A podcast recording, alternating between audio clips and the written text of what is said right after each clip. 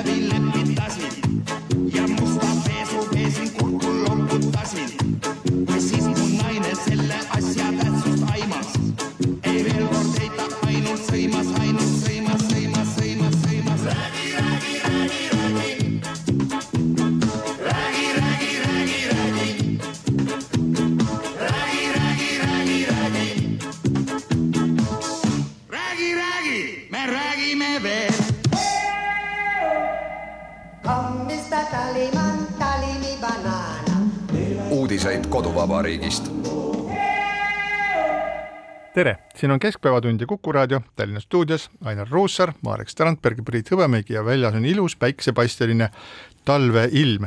laulis meile ansambel Apelsin, see oli Jamaica rahvalaul Räägi, räägi, mille mõte oli siis see, et kõik räägivad, aga kõik valetavad ja keegi ei usu seda, mida teised räägivad sarnaneb väga olukorrale meil siin Eestis praegu, kus erinevad erakonnad muudkui räägivad sellest, kuidas peaks, võiks või tuleks kõrgenenud energiahindade tõttu inimestele hüvitisi maksta, aga kokku leppida selles on väga keeruline, üksteist ei usuta ja aetakse sellist juttu, et mis nad ikka sellest asjast teavad. aga nii kaugele oleme jõudnud, et esmaspäeval seitsmeteistkümnendal algab siis Tallinnas kui kõige suuremas omavalitsuses energiahüvituste kompensatsiooni avalduste vastuvõtmine nii paberlikult, kirjalikult, inimesed jooksevad, nagu vanasti öeldi, maja valitsusse, paberid näpus, saama oma toetust, kes saab, teeb selle ära elektrooniliselt ja kuidas see kõik välja hakkab kukkuma, seda me alles näeme, aga erinevad diskussioonid selle üle, kuidas peaks energiahüvitisi maksma, need aina poliitikute hulgas jätkuvad ja hetkel me tegelikult ju ei tea, et kas see meede, mis nüüd välja on mõeldud, et äh, maksta äh, läbi, maksta toetust läbi nende esitatud avalduste, on nüüd see, mis aitab inimesi, sellepärast et äh, diskussioone ja jutuajamisi on ajakirjanduses olnud palju, räägitakse siis sellest, et äh, riik ei soovi kinni maksta mõne rikka inimese kahe basseiniga eramu elektriarveid, kui see inimene juhuslikult soovib, et tal oleks seal kolmkümmend kraadi kogu aeg soojas vesi soe, aga samal ajal ei ole ju ka kindel, et selline täppisteadus, nagu praegu on, jagades inimestele avalduste kaudu toetusi, et see ka annab sellist tulemust, nagu soovitud on. siin on kaks poolt. Pool number üks on, ma loodan, et see on minu halb unenägu, aga täna on viisteist jaanuar ja kui nende toetuste kokkuleppimisega saab venitada veel poolteist kuud, siis ei ole vaja neid toetusi enam kokku leppida. teine pool on see, mis taas teeb ühiskonda juurde ühe lõhe ja see lõhe on see, et kui sa ehitasid endale, mina elan korteris, aga kui sa ehitasid endale üheksakümnendatel maja, kui elekter oli kohutavalt odav ja ehitasid kõik elektriküttele, siis nüüd sa piinled ja pead saama või taotlema kompensatsiooni. tegelikult on ka kolmas pool, kolmas pool on see, et mina ei ole päris hästi aru saanud, ükskõik milline oleks tänane valitsuskoalitsioon, siis millised oleksid need kompensatsioonimeetmed. noh, tore on muidugi kuulata EKRE juhi avalikku sõnumit, et ärge makske arveid, mis ei ole minu meelest konstruktiivne noh, tore on kuulata peaminister Kaja Kallase noh, mingit jaburust sellest, et et me ei suhtle ajakirjandusega enne, kui me oleme kokku leppinud mingites meetmetes, tore on kuulata Keskerakonda, kes on toonud lauale mingisugused ettepanekud kompenseerida kõigele, kõigile mm, elektri- ja gaasiarved, sõltumata sellest noh, kui suurel pinnal nad elavad või kas nad kütavad Priidu toodud näite põhjal basseini talvel. ühte basseini võib, kahte ei tohi, oleks see reegel, aga me jõuame sellega hoopis fundamentaalsema küsimuseni ja noh, vaadake, et ega majandus on selline igatepidi läbi põimunud ja omavahel seotud asi, noh, õpikutõde, mis ma ikka seda kordan siin, banaalne natuke isegi.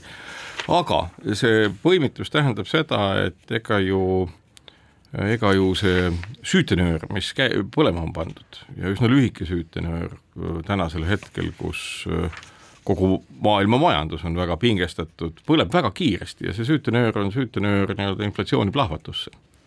ja nüüd, kui me veidi mõtleme või mõeldaks äkki ka nende üksteise võidutoetusi pakkuvate äh, poliitikute või erakondade poolt, et kui see süütenöör nagu ära põleb, kas siis toetustega või ilma, siis ju lõppkokkuvõttes kõik need kulud, mida kompenseeritakse eraisikutele, jäävad ju kompenseerimata ettevõtjatele ja väikeettevõtjatele.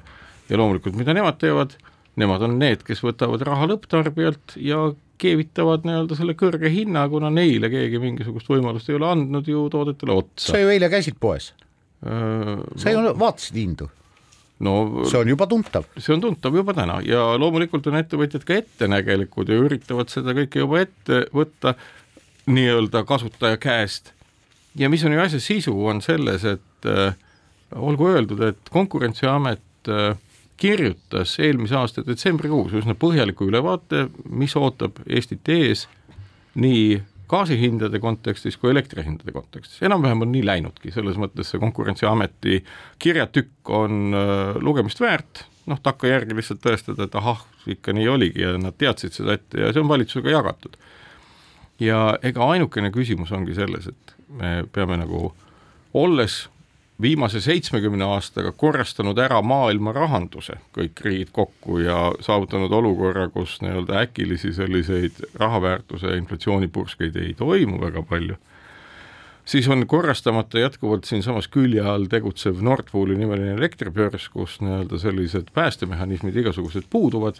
Ja, ja see, mis lahendaks olukorra, on ikkagi see, kui õnnestuks kehtestada ja realiseerida siis tegelikult energiatootjate kapitali arvelt lõppkokkuvõttes äh, hinnapiir, millest kõrgemale energia hind ei tohi tõusta kõigi jaoks. professor Strandberg, kes selle hinnapiiri ja kuidas peaks noh, näiteks Euroopa Liidus kehtestama, see ei ole ei, võimalik. ei, see on võimalik, seda ei on, ole võimalik. ei no miks ta ei ole, et noh, ei ole. ei no kuule, et kui sa nüüd vaatad nagu, vaatad nagu seda olukorda, millest nii-öelda tänasel hetkel meie hind siin moodustub ja mille puuduses me nagu vaevleme, siis me näeme seda, et küll ei ole piisavalt ühendusi ja küll ei ole veel midagi. et mille arvelt seda kompenseeritakse, loomulikult seda tuleb kompenseerida ettevõtete arvelt ehk et energiatootjate arvelt, kapitali arvelt, kapitali tuleb põletada. aga kapitali tuleb põletada niimoodi, et kõik on selles mõttes võrdses seisus ja seal ei ole ju vahet, kas inimesel on kolm basseini või kaks basseini või tal ei ole neid üldse,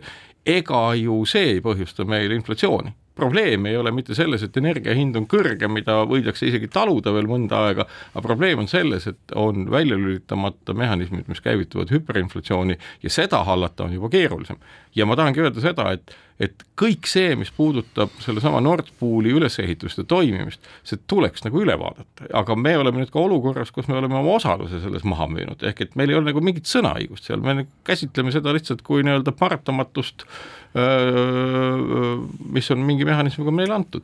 nii et, nii et tänasel hetkel kogu see kaklus, mida me näeme, et kuidas kompenseerida, kellele, kellele mitte, on lihtsalt niisugune poliitiline rabelemine selle nimel, et noh, kes on ägedam, kes nagu lubab oma valijale rohkem majanduse mõttes on see suhteliselt äh, katastroofiline tee, sellepärast et see ei peata ühelgi moel inflatsiooni kasvu. ja Kuhu seda sa- meil on, me oleme nagu, siin on kaks asja, mis kindlasti tuleb, mis, mis peavadki nagu paralleelselt toimuma, üks on see, et äh, kui inimestel on häda käes ja kui on toas külm ja kui ei jõua elektriarvet maksta, siis tuleb kuidagi neid inimesi aidata. Ja ma ei ütle seda, et peab kahe basseiniga inimest aitama, aga neid inimesi, kes on sattunud hätta ja teatavasti meil on just Tallinnas ajaloolistel põhjustel näiteks, aga küllap ka siis äh, muudes Eesti linnades, kus on vanad inimesed jäänud eramajadesse elama, kes ei taha neid öö, maha müüa, kuigi siit-sealt on kuulda olnud, et noh, et müüge siis maha, no kus seal on mingi seitsmekümne, kaheksakümne aastane inimene, kes on eluaeg selles majas elanud,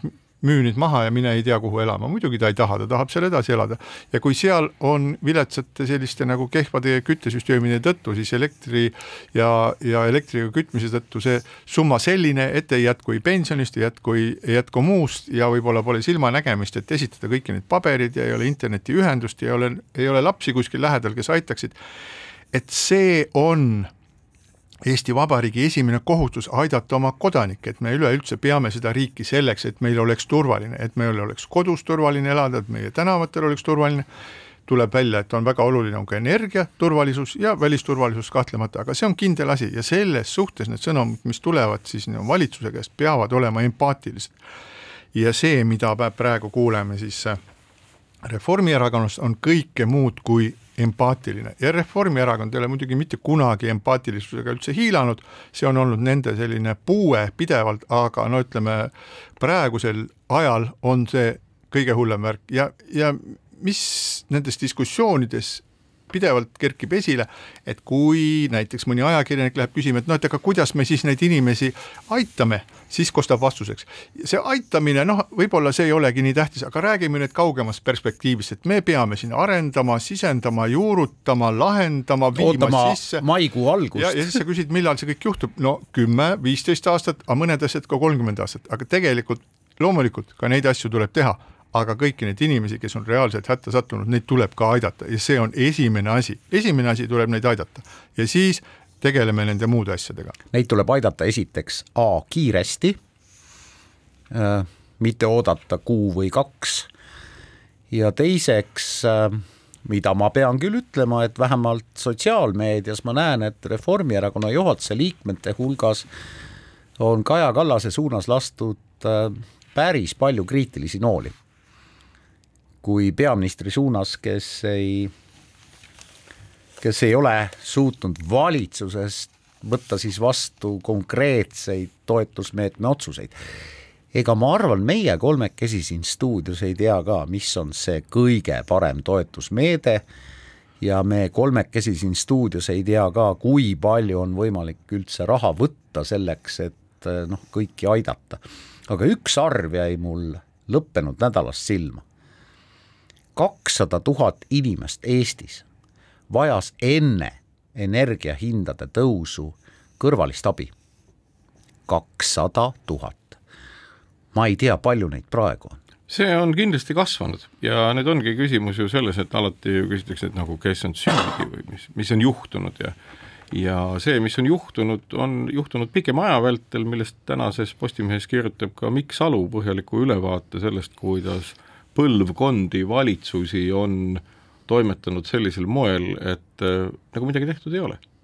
ja selle asja karmim pool on iseenesest ju mis, et ühtepidi oleme me alates tuhande üheksasaja üheksakümne teisest aastast, Eesti riik, kokku leppinud erinevatel rahvusvahelistel foorumitel kokkuleppeid, rahvusvahelisi kokkuleppeid selles osas, kuidas me seisame kliimamuutuste vastu, mis on teada olnud nüüd kolmkümmend aastat tänaseks hetkeks ja kogu selle aja jooksul on kõik need valitsused, kõik need Riigikogu koosseisud, kes on koos istunud, nagu piltlikult öeldes on, ah teate, see kliimavärk, et see ei ole üldse nagu oluline, et vaatame, et noh, küll me kuidagimoodi selle nagu ära räägime.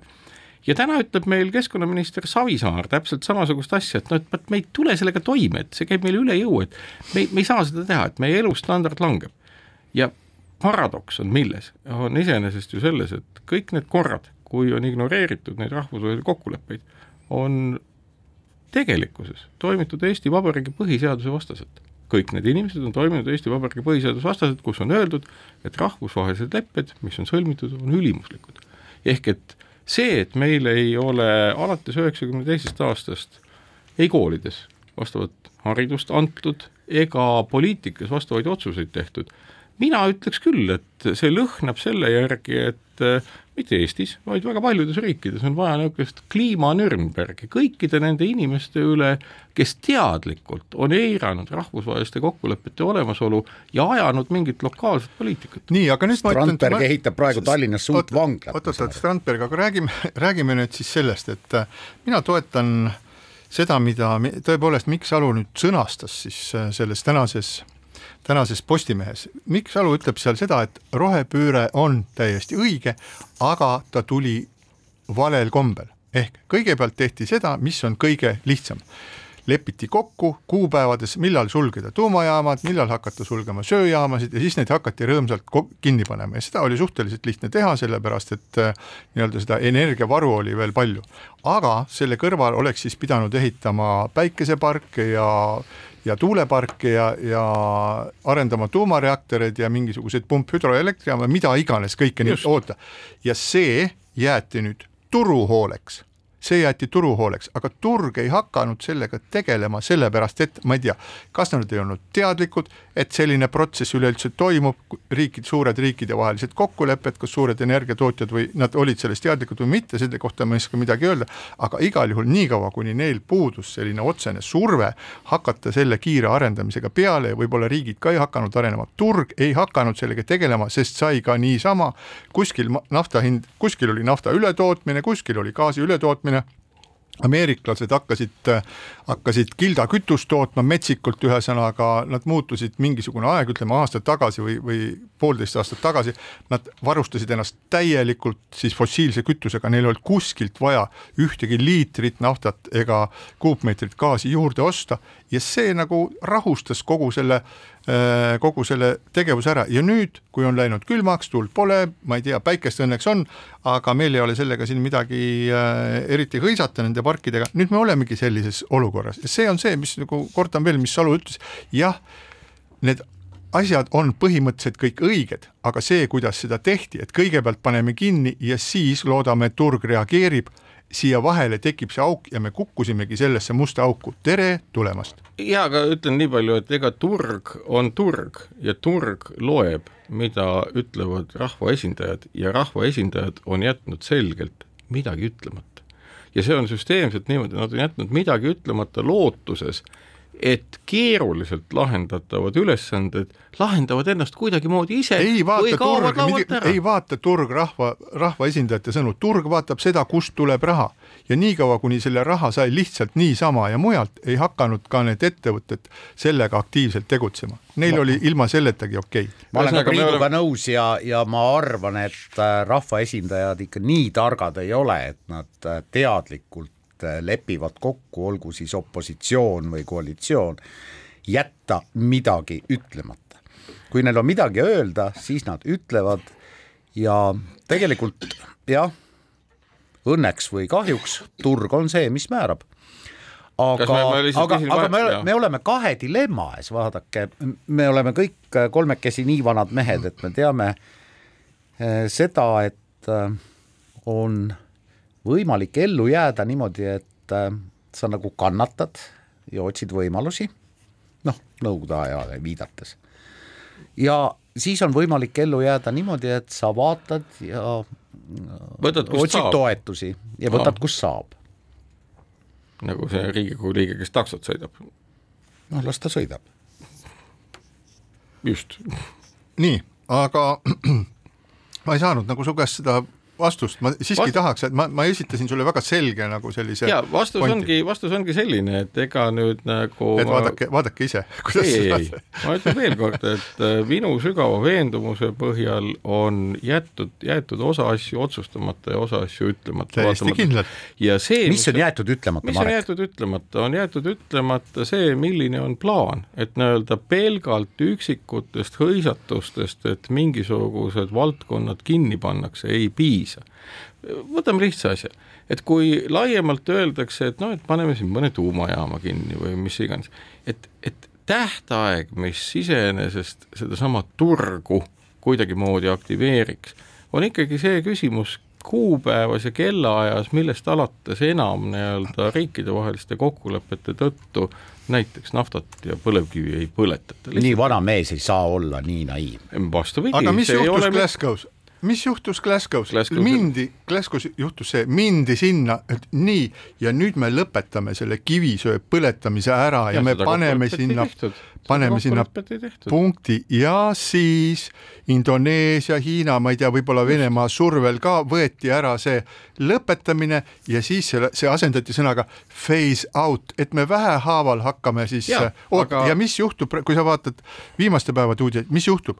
Hiina toob sisse massiivselt. Kivisütt, Hiina ehitab uusi kivisöejaamu, mis Indoneesias muidu, mis on üks maailma suurimaid kivisöö kivisöe eksportijad, Indoneesias toimub selline huvitav asi, et kuna kivisüsi on läinud korraga metsikult äh, hinda, siis kõik need äh, kivisöötootjad ei taha müüa enam Indoneesia omadele riiklikele energiaettevõtetele, kus nad pea, kellele nad peavad müüma fikseeritud hinnaga, aga nad müüvad seda Euroopasse, müüvad Ameerikasse, eelkõige müüvad Hiinasse.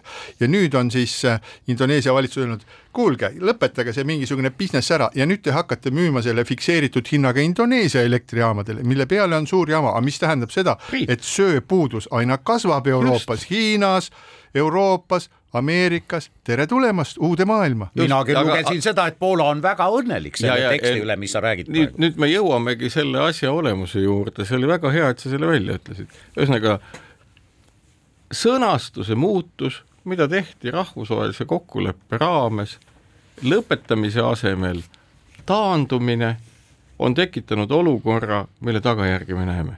oleks see jäänud tähtaja peale, konkreetse sõnumi peale, siis mis oleks juhtunud? seesama turg oleks ennast ümber korraldamas juba täna ja muutmas oma reegleid ja panustamas ja investeerimas valdkondadesse, mis oleksid uued. täna selleks vajadust ei ole. ja siinkohal ehk siis ütlen lühidalt ära, et Strandberg kujutab ette, et Euroopa Liidu juhid saavad kokku ja hakkavad reguleerima börsi, Poola kivisöe tootmist ja kõike muud sellist. aga siinkohal peame väikse pausi. keskpäevatund.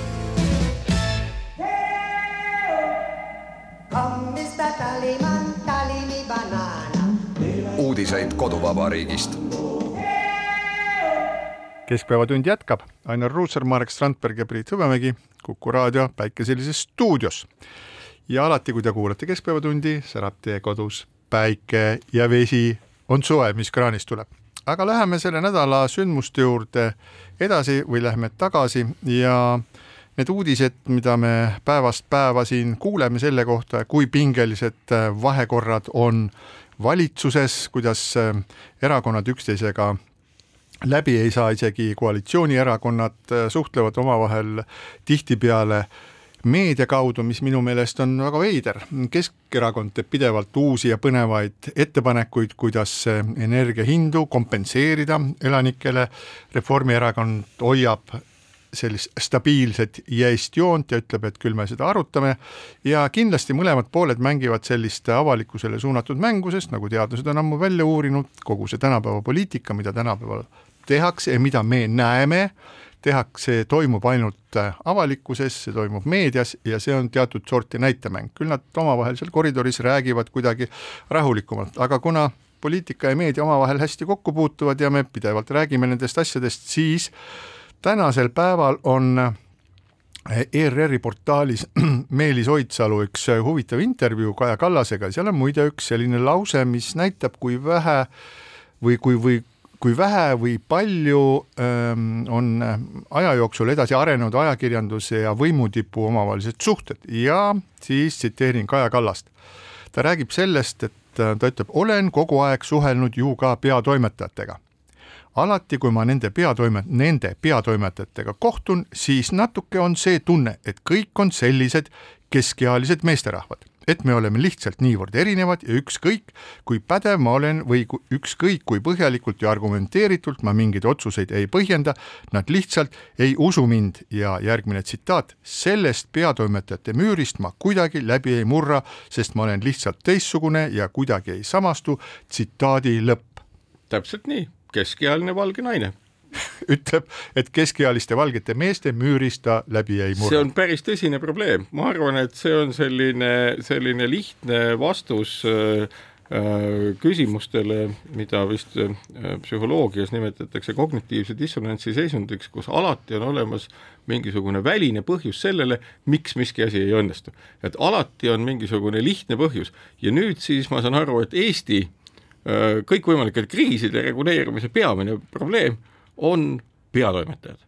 noh, ütleme, mis seal ikka on, neid ei ole ju väga palju, nende isoleerimine öö, korralikule Ühiskonnas. ühiskonnas Ei peaks olema keeruline. väga suur probleem ja kui sellele probleemile on jälile jõutud, siis tuleks ka see lahendada täpselt niimoodi. isoleerime kõik keskealised valged öö, mehed peatoimetajatena ära ja ime-time, mis hakkab juhtuma.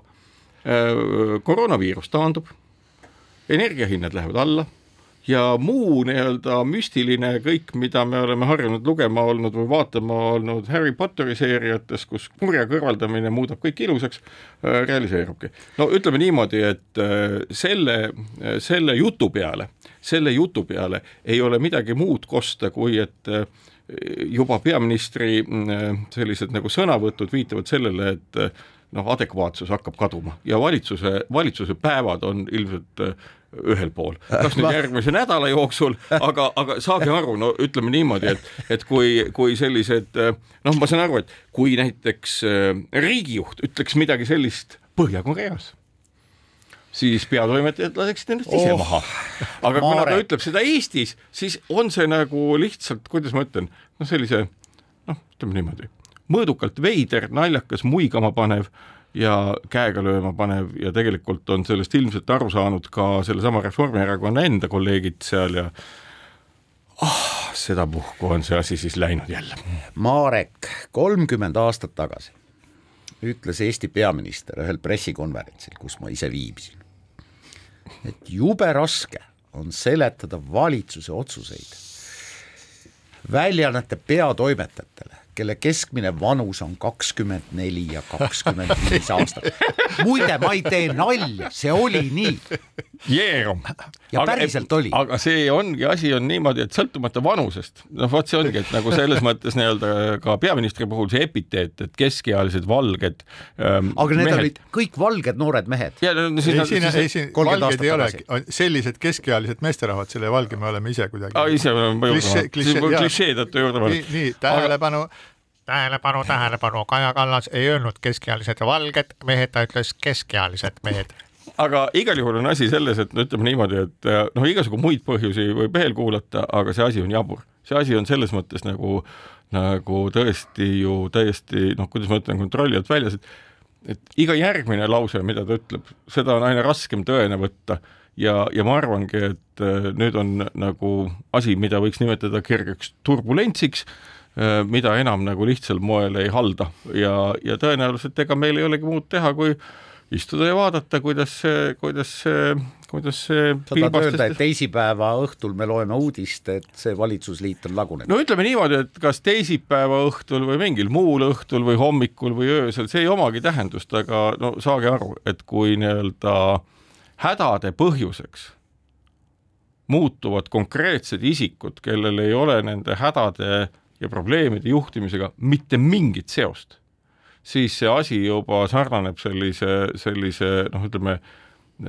olukorra teadlikkuse täieliku puudumisega, millesse valitsus on viimastel kuudel ikkagi tõsiselt viselnud. meedial on kriisijuhtimisega otsene seos mismoodi peatoimetajad juhivad kriisi? Äh, täiesti otsene seos äh, rookida välja valeuudised, rookida välja kõik kahtlane, leida see, mis aitab kuidagi edasi jõuda, julgustada, ma ei tea, ähvardada, hoiatada, kõik see on ju meedia ülesanne. noh, seda on ju meedia ka teinud, ega ei saa ju öelda, et noh, aga sa, sa just väitsid, et see ei no selles mõttes kriisi juhtimisega meedia ei kontrolli mitte ühtegi senti ei riigieelarvest. riigieelarve kontrollimisega toimib see juhtimine. Meediale ei kuulu mitte ühtegi energiaettevõtet, meedia ei opereeri börsil, meedia ei juhi rahandusministeeriumit, meedia kajastab protsessid, mis toimuvad, toimuvad ikkagi valitsuses ja parlamendis, mitte, mitte ajalehtede peatoimetustes või kus iganes, nii et noh, selles mõttes on see seos ju arusaadav. igal juhul on selge, et see Keskerakonna ja Reformierakonna rong kihutab praegu mingisuguse kuristiku poole ja see hoog paistab üha suurenevat, et Kaja Kallasele võib muidugi kaasa tunda lihtsalt, sest et ta on selle kauaoodatud peatoimetaja, peatoimetaja, no pea, nii, peatoimetamise tee lõpus. jaa, vabandust, on oma oma valitsuse peatoimetamise tee, tee lõpus tõenäoliselt ja see oli keeruline aeg, et siin oli koroonaepideemia, millest sai pandeemia ja loomulikult, kui kõik sinu alamad terves riigis loevad ennast interneti kaudu epidemioloogideks ja viroloogideks, siis on nendega hakata vas-, raske on hakata vaidlema ja nüüd siis energiakriis sinna otsa, et ütleme, et kadestada ei tasu nii palju, kui mulle on jäänud, mul usaldusväärsed allikad mulle ütlevad, ise ma ei ole Kaja Kallasega suhelnud, et ta teeb omale asjad väga sel-, väga punktuaalselt ja viimaste detailideni selgeks ja püüab kõikide asjadega olla kursis ja ongi sellisel nagu heal tasemel nende asjade valdamises, aga aga kahtlemata mida siis teiselt poolt vaadates võib öelda, et nagu empaatiaga ei ole siin kuskil olnud hiilata, et empaatia puudus on midagi, mida võib-olla peaksid aitama tal kolleegid juurde hankida või ise seda teha, aga kui me vaatame praegu sellist seda tonaalsust, mis toimub valitsuses, siis kui omavahel juhtivad reformierakondlased äh, loobivad sõnu, nagu näiteks äh, see oli minu meelest seesama peaminister, kes ütles siis Kristen Michali kohta midagi väga, väga teravat ja minu meelest isegi ise ta on populist. isegi solvavat ja see sõna üldiselt ja see sõna populism kasutamine, mis on kohe sagenenud, et kui, kui poliitik hakkab rääkima liiga palju populismist ja peatoimetajate terrorist, siis paistab, et äh, ollakse jõutud oma, omadega mingisugusesse tupikusse, kus tõepoolest mingit valgust enam ei paista. jah, nii ongi. aga valgus on võib-olla siis selles, kui Tiit Riisalo, endine presidendi kantselei juht või kantselei direktor on nüüd teatanud, et ta astub poliitikasse, temast saab siis Eesti kahesaja kampaania juht, noh, võib muidugi selle üle spekuleerida, kas järgmine, kes hakkab poliitikaga tegelema, on president Kersti Kaljulaid, aga selle kohta ei ole mitte ei kippu ega kõppu, nagu öeldakse.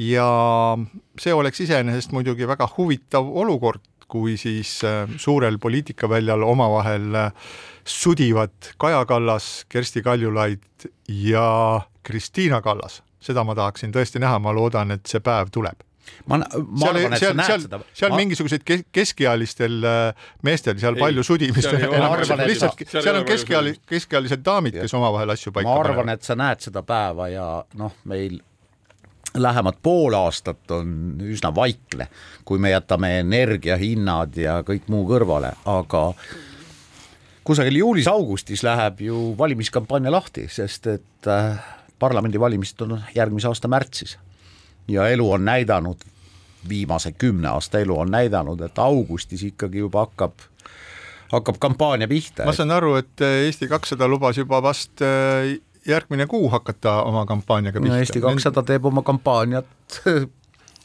viimased viis aastat, et äh, visaminekuga ja noh, loomulikult ega, ega kõike seda võib ju ette kujutada, et eks ju, eks ju ka selle nii-öelda mm, eks presidendi kaasamine või kaasatus sellesse poliitikasse on ju jälle selline paras, paras kahe otsaga asi, et miks ta kahe otsaga asi on, miks see ekspresident ei või minna ei, see poliitikasse? on, see on kaasaja küsimus, loomulikult ei, ta võib, no miks ta ei või, miks ta peab? Aga miks ta ei peaks? ei ta võib, aga ei pea. noh, noh jah, selles mõttes kohustust ei ole, kohustust aga. ei ole jah, nii-öelda kohustust ei ole, aga nii-öelda jah, ega seal on ju ka, et nagu sa ütled, viis aastat Eesti kakssada on üles ehitanud oma nii-öelda edu ja mida iganes ja see on lõpuks kohalikele omavalitsuse valimistel saavutatud nüüd ja ja väiksed tõusvad tähekesed, komeedikesed ja kõik on seal nagu aktiveerimas. Arnold Rüütel on ka parteilane ja ka poliitikas. no nüüd, kui me juba Rüütli juurde jõudsime, siis teeme väikse pausi. keskpäevatund. Kammista taliman, talimi banaana. uudiseid koduvabariigist ja Keskpäevatund jätkab, Ainar Ruussaar, Marek Strandberg ja Priit Hõbemägi.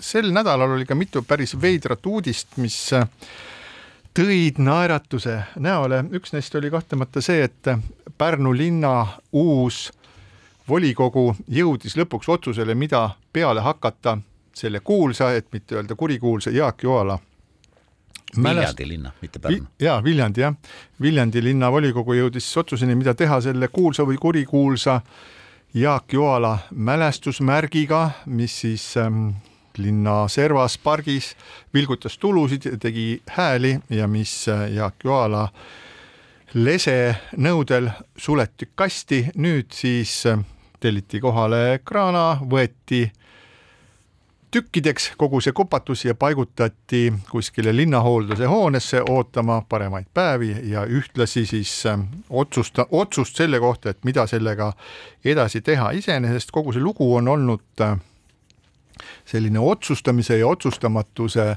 tragikomöödia, kus ühed otsustavad, teised ei julge otsustada ja kaotaja on võib-olla selle kõige juures äh, Jaak Joala ise, kes tõenäoliselt äh, sellist janti iseenda kuvandiga ei oleks tahtnud, sest et äh, oli ta ju vähemasti oma elu lõpul oli üsna selline privaatne isik, kes suhtles väheste inimestega ja mingisugust tsirkust ei tahtnud, aga ometigi olgu see siis kogu see juhtum hoiatuseks kõigile neile, kes kavatsevad, kellel on peas mingisugune mõte mõnele tuntud ja ajaloos olulist rolli mänginud isikule mälestussammast püstitada, kõigepealt küsige lese käest, kui hakkate käsi saviseks tegema. no monumendid on nii emotsionaalne asi tegelikult, et äh, noh, kõige hullem on monument, mis ei kõneta mitte kedagi, millest inimesed kõnnivad äh, tuima näoga mööda. aga monumendid on väga emotsionaalne ükskõik, kas nad pannakse püsti või võetakse maha, nagu me mäletame aastast kaks tuhat seitse, viiakse kuhugi mujale, teise kohta.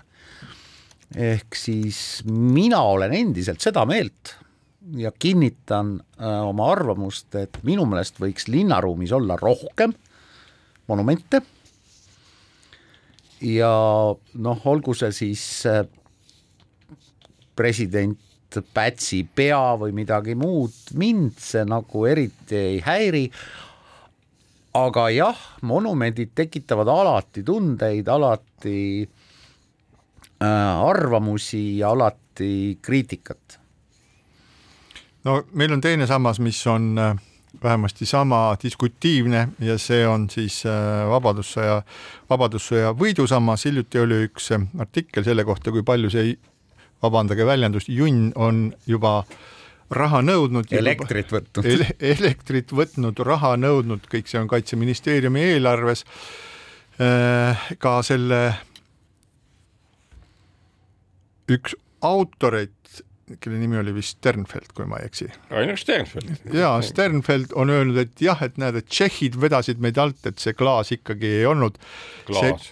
jah, klaasist pane-, et see klaas ei olnud õige materjal, no loomulikult, et äh, sellest oleks võinud ka toona juba aru saada, mitte lasta ainult siis kavalatel tšehhidel endale auku pähe rääkida. mina meenutan lihtsalt seda, ütlen kuulajale vahele, et kes ei ole käinud, et, et ma olen südamest tänulik ükskõik, kes selle otsuse langetas et kõik need Stalinid, Leninid ja esimese detsembri ülestõusul osalenud neli, neli Nõukogude sõjaväelast, et need ei ole õhku lastud ega puruks saetud, vaid neid saab näha Maarjamaa lossi taga, ajaloomuuseumi õuel ja see on tore vaatamine tegelikult.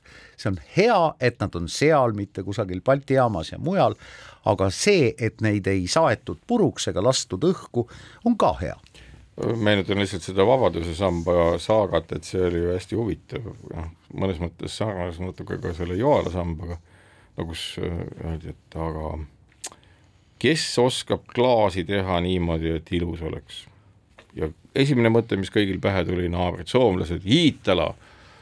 ja siis tuli välja, et küsiti Iitala käest, et meil on kiiresti vaja klaasist sammast ja Itala ütles, et ennem poolt aastat või kolmveerand aastat ei saa, aga meil oli kiire, me pidime minema tšehhide juurde, teatas toonane kaitseminister Aaviksoo ja nad läksidki. ja füüsikust kaitseminister ei saanud aru, mida Itala neile ütles, ta ütles, et, et kuulge, et kui me teeme klaasist samba, nagu te tahate, siis see klaas ainuüksi juba ju taheneb oma kuumast peast valatuse järel oma pool aastat, et sinna pragusid sisse ei tuleks. ja nüüd kõikvõimalikke loodusseadusi eiratult, eiratult nagu ehitatigi seesama asi üles ja noh, mõnes mõttes on see ka naljakas, et ega ju ei teagi, et mis see äh, Joala sambaga siis nagu lõppkokkuvõttes untsu läks, noh, eks seal ikka mingisugune niisugune jonn ja kius ja muu asi on, sellepärast et noh, mis inimesele meeldib. ma ju inimesele... vihjasin selle samba uuele asukohale. jaa, aga inimesele meeldibki võimu näidata. sa mõtled selles mõttes selle, selle Vabaduse samba asukohta ajaloomuuseumi taga? see võiks olla see küll võiks seal, olla ma oleksin kui täitsa nagu ajaloomuuseumi taga on tohutult Jaa. äh, kihvt plats, kus võiks olla kõik ausambad, mis see mis läheb- põhjusel ri- linnaruumi ei mahu. ei no nad mahuvad, aga nad on väga kallid selles mõttes, et noh, kui me võtame loogiliselt, et asi, mis raskusjõu põhjal nagu seisaks püsti niikuinii, sinna peale tuleb pool või enam miljonit eu- eurot iga aasta juurde kulutada, et ta püsiks ja ilus oleks, no seda on natuke palju.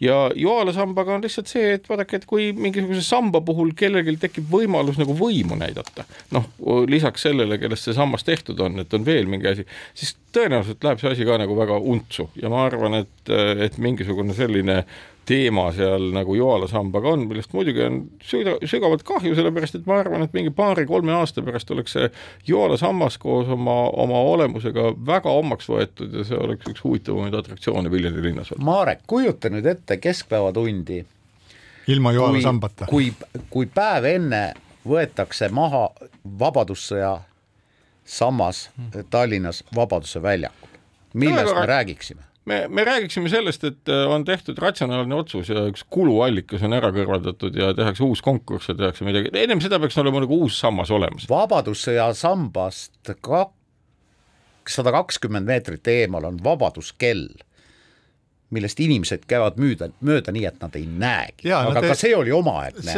sammas. ja selle, selle Vabaduse kellaga on kaks probleemi, esiteks on selles, et, et äh, väljak on muutunud vägagi vägagi palju pärast seda, et eks seda siis, kui see Vabaduse kell sinna pandi, siis ta oli suhteliselt kesksel kohal, aga praeguseks ajaks on siis muutunud väljak väga, väga põhjalikult. Ja tegelikult see kaks posti, mille siis Leonhard Laapin sinna tegi, on selles mõttes, nad on äh, minu meelest positiivsed, et jah, tõepoolest nad linnaruumi äh, ei riku Nad on, nad seisavad seal ja kui sa neid ei märka ka? ei märka, just nimelt, aga see ongi väga hea, et se- selle, selle suure vabadus nii-öelda selle klaasist junni probleem on see, et kõik ju märkavad seda, et kui seda ei märka, mina pü- püüan teda küll suruda oma nii-öelda vikerkestalt alateadvusse, et äh, kui ma lähen sealt mööda, siis ma ei pane tähelegi, et tulevikus saad sa paigutada endale ilmselt Zuckerbergi nimelised kontaktläätsed ja välja lülitada selle osa oma koledast linnaruumist. oh issand mehed, kas te mäletate, milline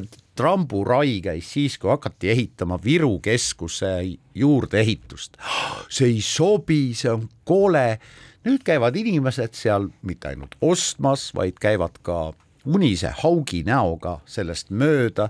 kedagi see ei ärrita, kedagi see ei eruta mida võiks käia Vabaduse samba sees ostmas. jaa, aga ega siis see, kui sa mõtled seda Viru keskust, ega ta siis ilusamaks ei ole sellest muutunud, et Kinet on ta ikkagi, aga kui me olime juba nende äh, mälestussammaste juures, siis meid ju ootab ees palju suurem diskussioon teemal äh, president Konstantin Pätsi massiivne pea, mis peaks siis tulema äh, mille asukoht on planeeritud äh, Estonia teatrimaja taga asuvasse niinimetatud Tammsaare parki, kohtki on sinna siis äh, välja valitud, see on umbes pooleteise meetri kõrgune massiivne massiivne pea, mille jaoks on nüüd siis lõpuks leitud ka selline äh, monoliitne graniidi kobakas, millest siis seda hakatakse välja toksima. Ja nüüd, kui ma püüan endale ette kujutada, see on, see on iseenesest väga hea. Selles mõttes, et äh, pooleteistmeetrine graniitkuul põhimõtteliselt on nii suur, et keegi ei jaksa sellele ja kus on vähe teravaid väljaulatuvaid osutusi, keegi ei jaksa sellele midagi liiga teha, sealt pole midagi küljest ära lüüa, kes tahab, võib minna ja silitada pead, kes tahab, võib minna ja jalaga kuklasse virutada, aga see pea seisab seal läbi aegade. Vähemalt on vanamehe filmi nii-öelda austajatel ka üks võimalus, kus oma tegelase kuju nii-öelda äh, suhtes mingit äh, positiivset või negatiivset hoiakut üles noh, mis selles halba on, kui meile tekib ühe Eesti ajaloos vaieldamatult tuntud inimese skulptuur Eesti linna, Tallinna linnaruumi. midagi ei ole halba, see ongi jumala normaalne. see ongi just väga hea, et äh, Päts, Päts on vastuoluline tegelane, aga ta on ajalooline isik ja ta on väga tähtsat rolli Eestis mänginud, nii et see on väga hea, kui ta sinna tuleb ja igaüks saab oma tundeid sealjuures ka väljendada. ja siinkohal täname teid kõiki kuulamast, oli meeldiv teiega koos olla ja kohtume taas nädala pärast keskpäevatund